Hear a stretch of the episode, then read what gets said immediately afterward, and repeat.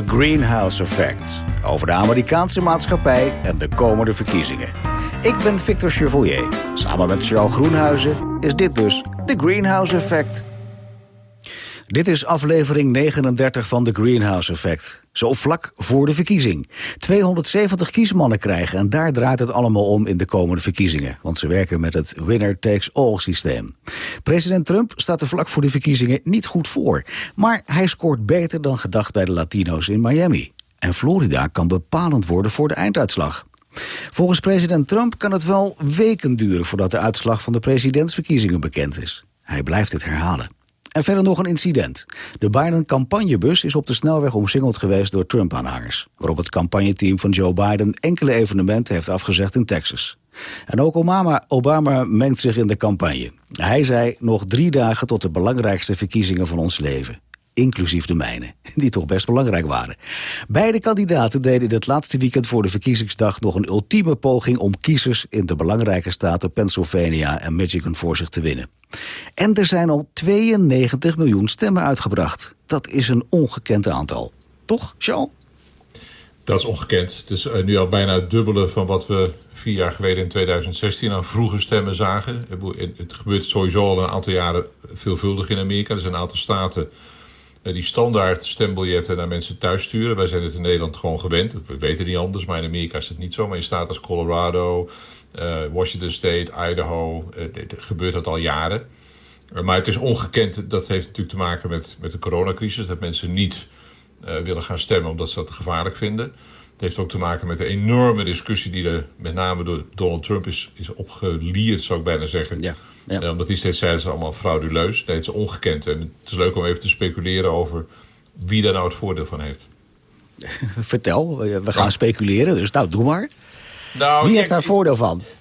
Laten we van tevoren vaststellen, we weten gewoon niet wat het effect is van... Eh, we gaan zo meteen richting 100 miljoen stemmen. En even als één getal er dan bij het totale aantal stemmen in 2016 was ongeveer 137 miljoen. Dus als we nu uitgaan van dat getal, dan, dan, dan schieten we heel eind in die richting. Maar de verwachting is dat mede door die enorme aantallen vroege stemmen... heel veel jongeren die voor het eerst gaan stemmen... überhaupt mensen die voor het eerst gaan stemmen... die op leeftijd zijn, nog nooit gestemd hebben... het nooit belangrijk hebben gevonden, maar nu wel gaan stemmen...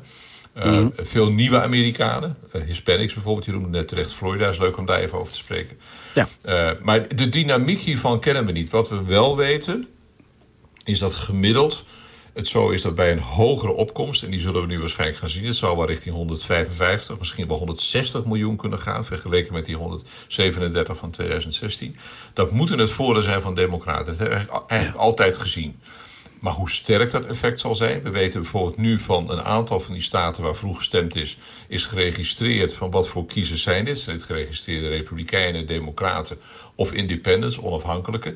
En mhm. daarbij zijn de democraten duidelijk in het voordeel. En dat heeft ook vast weer te maken met ja, toch die doemboodschap van Donald Trump. Die zei van, oh, dat is allemaal fraude. Je moet niet gaan stemmen, je moet op de dag zelf komen. Dus op de dag zelf, 3 november, dinsdag, zullen er waarschijnlijk grote aantallen republikeinen komen. En dat zou dan de voorsprong die er nu waarschijnlijk is voor de democraten... Uh, voor een deel te niet kunnen doen. Of helemaal te niet. Maar goed, dat is natuurlijk de 100.000 dollar vraag. ja, dat blijf je erbij houden zo. We zeiden het net al, eh, president Trump staat er zo vier dagen... of uh, enkele dagen voor de, voor de verkiezingen niet zo goed voor. Uh, maar we hebben het al vaker in de eerdere podcast over gehad... dat, dat hij niet zo uh, goed leek te scoren bij de Latino's in Miami. En nu blijkt er toch een omslag in te zijn. Heb je enig idee hoe hij dat voor elkaar gekregen heeft? Dat hij toch die bevolkingsgroep achter zich kreeg? Ja, je moet het, je moet het enigszins nuanceren. Het is, het is zeker waar dat uh, landelijk bezien Latino's in forse meerderheid democratisch stemmen. Het is ook waar, daar refereer je aan, dat in Florida de situatie wat anders is, omdat er heel veel Latino's wonen van Cubaanse herkomst. Nou, die zijn hartstikke gemiddeld antisocialistisch, anti-Fidel Castro, anti-Cuba. Anti-communistisch, want alles wat maar socialistisch alles, ruikt, is gelijk communistisch oh, in een idee. Is, is niet mee te praten. Maar goed, dat, dat kan. En dat is al jaren zo. Tegelijkertijd, en dat is een interessante demografische ontwikkeling die je overal nu in Amerika ziet neemt het aantal Latino's in Florida afkomstig uit Puerto Rico is de afgelopen jaren enorm toegenomen. Die zijn in aantal zelfs bijna even groot als, als groep als die Cubaanse Latino's. Dus dat, mhm. dat, dat houdt de zaak weer enigszins in evenwicht. Maar het is zeker waar dat je voor Florida, als je naar het stemgedrag van Latino's kijkt, dat je iets genuanceerder en beter moet kijken dan bijvoorbeeld in Texas of New Mexico of Arizona of bijvoorbeeld Californië. Ja, en, en ik zei het ook al in de, in de, in de inleiding. Eh, beide kandidaten doen op dit moment erg hun best. Ook voor die andere staten, Pennsylvania en Michigan. Daar speelt het. Speelt er ook een bepaalde afkomst een rol daar? Of speelt dat 0,0 een rol? Nee, het zijn alle twee wel behoorlijk diverse staten. Ook Michigan, natuurlijk een industriële staat. Daar wonen heel veel African Americans, zwarte Amerikanen. die ooit vele tientallen jaren geleden uit het zuiden zijn gekomen. en hun heil in het noorden hebben gezocht. Denk bijvoorbeeld aan de auto-industrie, Detroit bijvoorbeeld. Ja. ja. Dus uh, Pennsylvania Pennsylvania is ook een, niet zozeer Latino's, maar ook wel veel African Americans. Maar ook, en dat geldt ook voor Michigan, omdat het zo'n industriële staten zijn. Pennsylvania ook bekend door de kolenindustrie, kolenmijnen, staalindustrie. Daar zit ook een hele grote groep echt ouderwetse, blanke mannen van middelbare leeftijd. En dat is dus bij uitstek Trump-volk. Ja. Uh, dus daar doet Trump het goed. Hij heeft ook beide staten, dat weten we, in 2016 wel eens op een nippertje hakken over de sloop. Hij heeft die twee staten toen gewonnen. Daar is eigenlijk in die staten en ook in, in Wisconsin is Hillary gewoon verslagen. Daar heeft Trump het Witte Huis binnengehaald. Ja. Dus hij heeft daar een forse aanhang. Dus moeten we nu kijken wat is er veranderd sinds 2016. En dan zie je, als je ook weer even de uitslag van 2018 erbij pakt... van die midterm elections... dan heeft Trump in die staten nog steeds een grote aanhang... maar hij is wel aan de verliezende hand. Alleen zie je nu dan, ja, bij uitstek de afgelopen dagen... zie je die marge, die voorsprong van Biden, zie je ietsje slinken. Nou, kijk hoe dat, hoe dat uitpakt. Maar nogmaals, in die, ik, moet, ik vraag me echt af, ik ben stik benieuwd...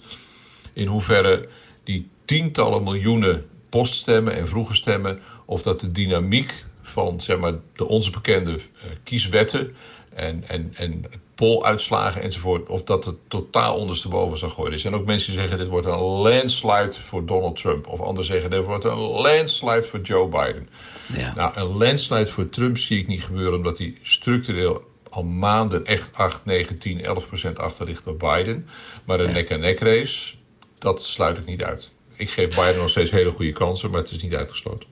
Heeft eh, Biden eh, behalve Obama nog andere eisers in het vuur die hij in de laatste 48 uur kan inzetten? Uh, ja, Obama is ook heel belangrijk. Het valt me op dat Michelle Obama dat natuurlijk amper een rol speelt.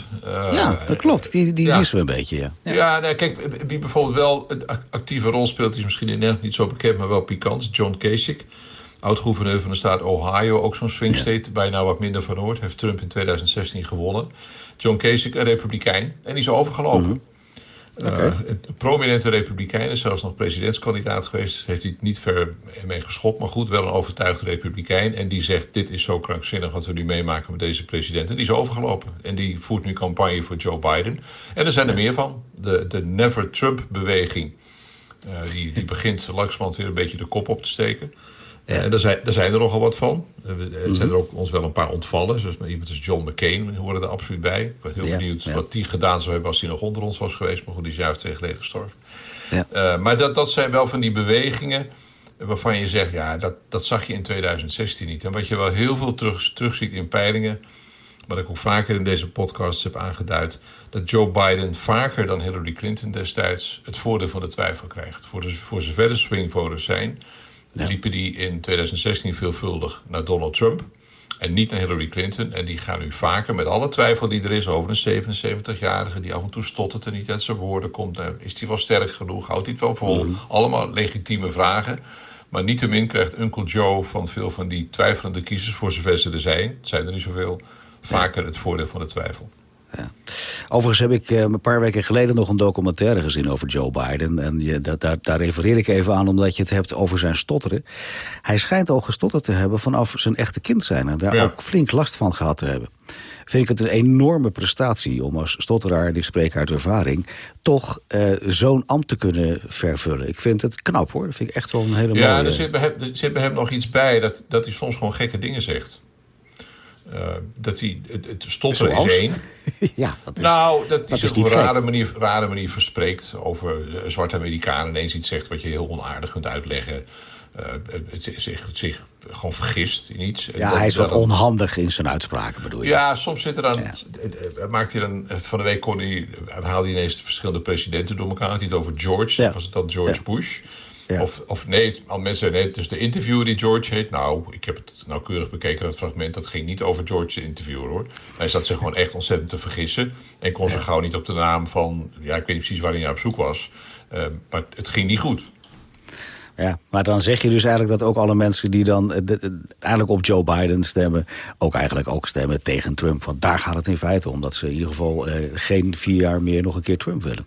Nee, de anti-Trump-stemming onder, onder de Biden-stemmers is natuurlijk gigantisch. Dat verklaart ja. denk ik wel een groot deel die opkomst. Dat hoor je ook veelvuldig als, als mensen geïnterviewd worden in die hele lange rijen. Dat is trouwens Victor even onder ons gezegd en gezwegen. Ja. Het is toch wel krankzinnig dat het rijkste land in de wereld, technologisch zo geavanceerd, gewoon geen verkiezingen kan organiseren. En mensen staan vier, vijf, zes uur in de rij. Dagen niet op, niet op die ene uur. verkiezing. Ik zeg van de week elf uur. Iemand in elf uur in de rij staat. Ja, ja, ik, ja dat is ongekend. Ik ben beleefd dat ik, dat ik me dat sanitair niet zou kunnen veroorloven, maar dat te zijn. maar, maar het Daar is heb toch, je luiers voor hoor, dus dat, dat, dat lost ook wel op.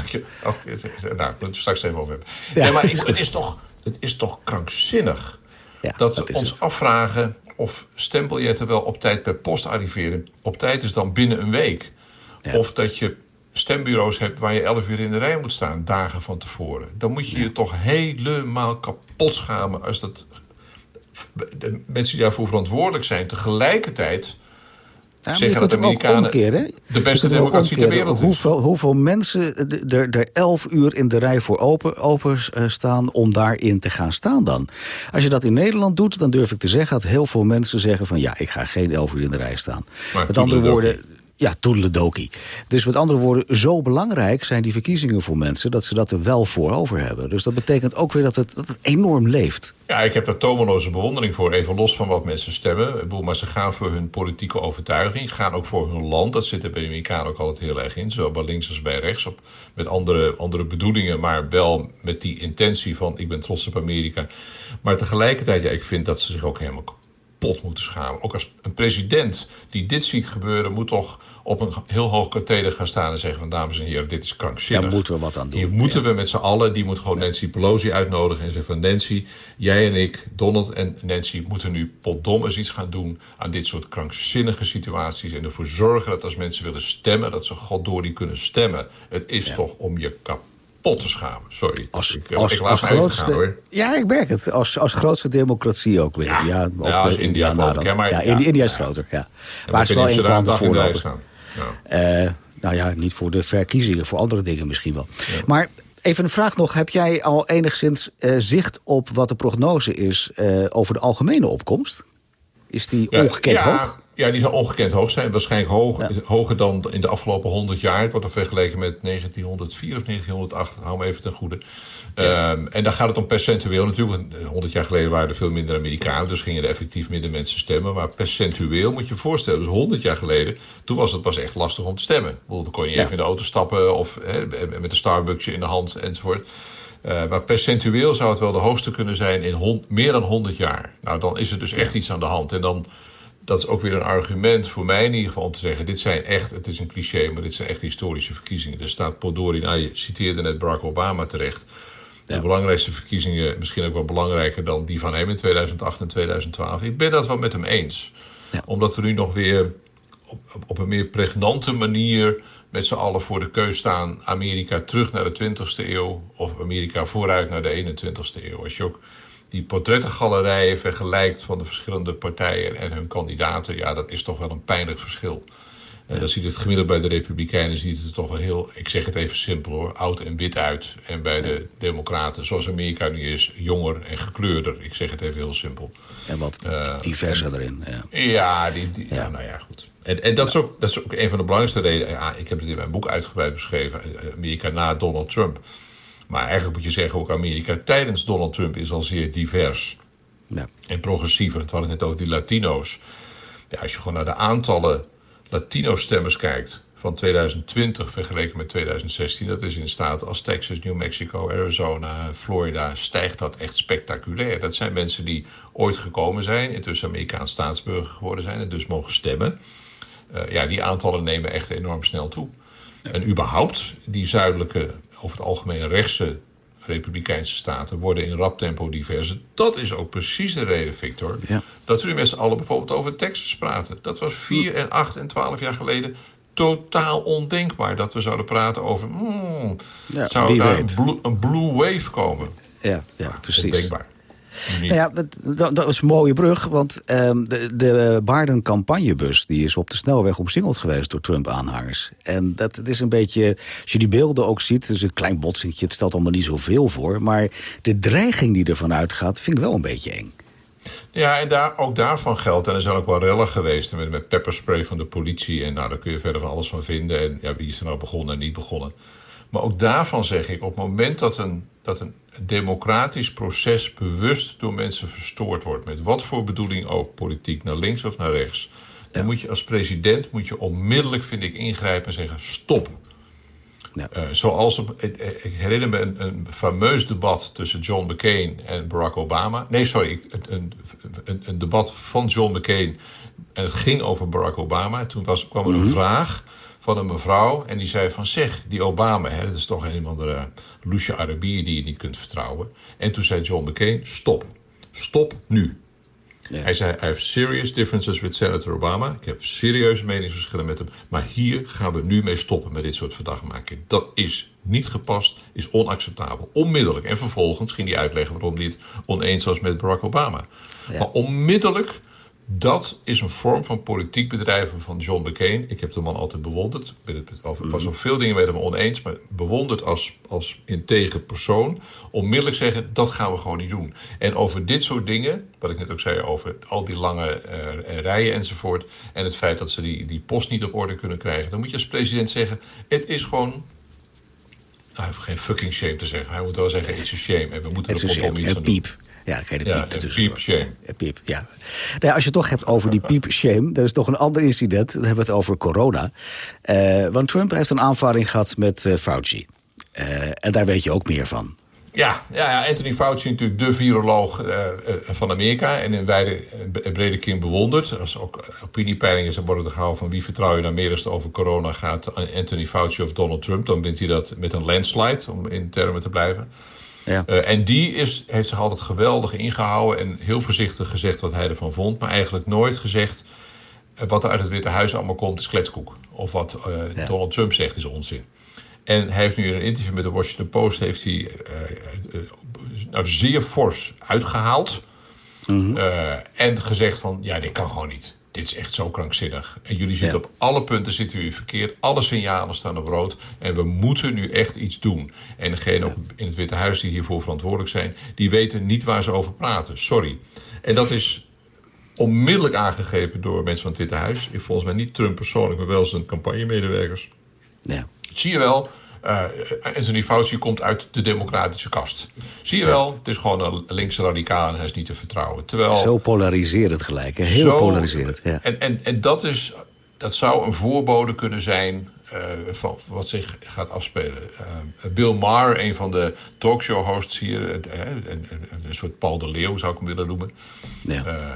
en, en die heeft eigenlijk een soort oproep gedaan, een beetje tong in cheek en eigenlijk gezegd van zeg, uh, even over die verkiezingen van dinsdag... zullen we met z'n allen afspreken dat we de burgeroorlog gewoon even overslaan. Dat we dat gewoon even niet gaan doen. Daar kwam het eigenlijk een beetje op neer. Met een, met een, voor een deel een knipoog, maar ook wel een... Maar dat leeft wel dan, hè? Dat leeft wel dan. Nou ja, kijk, dat incident met zo'n bus is natuurlijk klein... maar de, als, het, als het straks echt eh, erom gaat spannen aanstaande dinsdag. En, en, en ergens slaat de vlam in de pan. Misschien moeten we het ook niet overdrijven. En misschien valt het ook wel weer mee. En, en focust de pers wel heel erg op dit soort incidenten. Ja, ja, ja, ja is allemaal waar. Maar goed, je weet, Victor, ik, ik, ik, maak me grote zorgen over de emotie en, en, de, en, en de negatieve energie die losspuit als we dinsdag of woensdag, of donderdag of later uiteindelijk de uitslag zullen krijgen in de een of andere richting. Want er zijn grote groep Amerikanen die daarover diep gefrustreerd en buitengewoon boos zullen zijn. Omdat zij ook weten dat Obama gelijk heeft. Er staat heel veel op het spel. Het gaat over de richting van het land, over ongelijkheid, over onderwijs, over zorg, over klimaat. Kortom, om de toekomst van hun kinderen en kleinkinderen. Dat staat er op het spel. En lukt het een president om na vier jaar weg te komen met gedrag wat bepaald is door liegen en bedriegen, mensen uitsluiten, mensen beledigen, mensen uitschelden, je terugtrekken uit de internationale gemeenschap. Als je daarmee wegkomt en Amerika in meerderheid zegt van meneer de president, dat willen we nog vier jaar, is dat een hele fundamentele keus... waar een deel van Amerika blij mee zal zijn... en een heel groot deel in afschuw de komende vier jaar tegemoet ziet. Nou, dat, dat, dat leidt tot een laatste vraag voor deze, ene, nee, deze laatste aflevering voor de verkiezing zelf. En, uh, we zijn overigens bij de ochtend van de 4 november. Hopen we vrij snel weer met deze podcast terug te zijn. Uiteraard met Zo Groenhuizen om te vertellen wat er gebeurd is en hoe de stand van zaken is. Maar uh, president Trump die, die, die blijft maar herhalen dat het weken kan duren voordat de uitslag van de presidentsverkiezingen echt bekend is. En we hebben al eerder bij de podcast gehad van, joh, dat kan een opmaat zijn dat hij toch uh, best wel binnen het Witte Huis zou willen blijven. En dat hij daar toch erg veel gaat tegenstribbelen als dat zo zou mogen zijn. Uh, die poststemmen zijn denk ik essentieel daar, daar, daarin. Ja. Dat zou de vierde nog niet zozeer zijn. Maar Sjouw, heb je enig idee... Um, in, in, in, in, welke tijdseenheid dat toch spannend gaat worden? Waarin hij ja, moet laten weten. Weet je, dit, ik, vind het, ik vind het eng. Ik hoor er wisselend over. Ik hoorde gisteren een uitgebreid interview met Nate Silver. Uh, die zou je kunnen onthouden. Nate Silver, de oprichter van 538.com. Een van de beste opiniesites. Ja. Omdat er zoveel verschillende op, opiniepeilingen in verenigd zijn. Ja. En die zei, dames en heren, overdrijf het nou ook niet. Ja, er zullen stemmen worden afgekeurd. Ja, er zijn ook rechtszaken die bijvoorbeeld de Democraten verliezen. Er zijn in totaal geloof ik 300 rechtszaken die er allemaal op gericht zijn om de opkomst te verlagen. Dat is trouwens ook een soort indirect bewijs dat de Republikeinen het echt in hun broek doen. Uh, uh, als het gaat om een hoge opkomst, want ze weten dat ze dan in het nadeel ja. zijn. Ja. Uh, maar die Nate Silver had het allemaal nog eens uitgerekend als een cijferkanon. Daar ben ik niet, maar hij wel. Hij zei, ja, je moet het ook niet overdrijven. Waarschijnlijk gaat het uiteindelijk toch om niet zo ontzettend veel stemmen... die aan de kant worden gegooid. Daar komt nog bij dat van de twee scenario's die we ook hier eerder besproken hebben... of een nek-aan-nek race of een landslide voor de Democraten en voor Joe Biden... in dat laatste geval kan het best zijn dat ze in Michigan of weken ruzie gaan lopen maken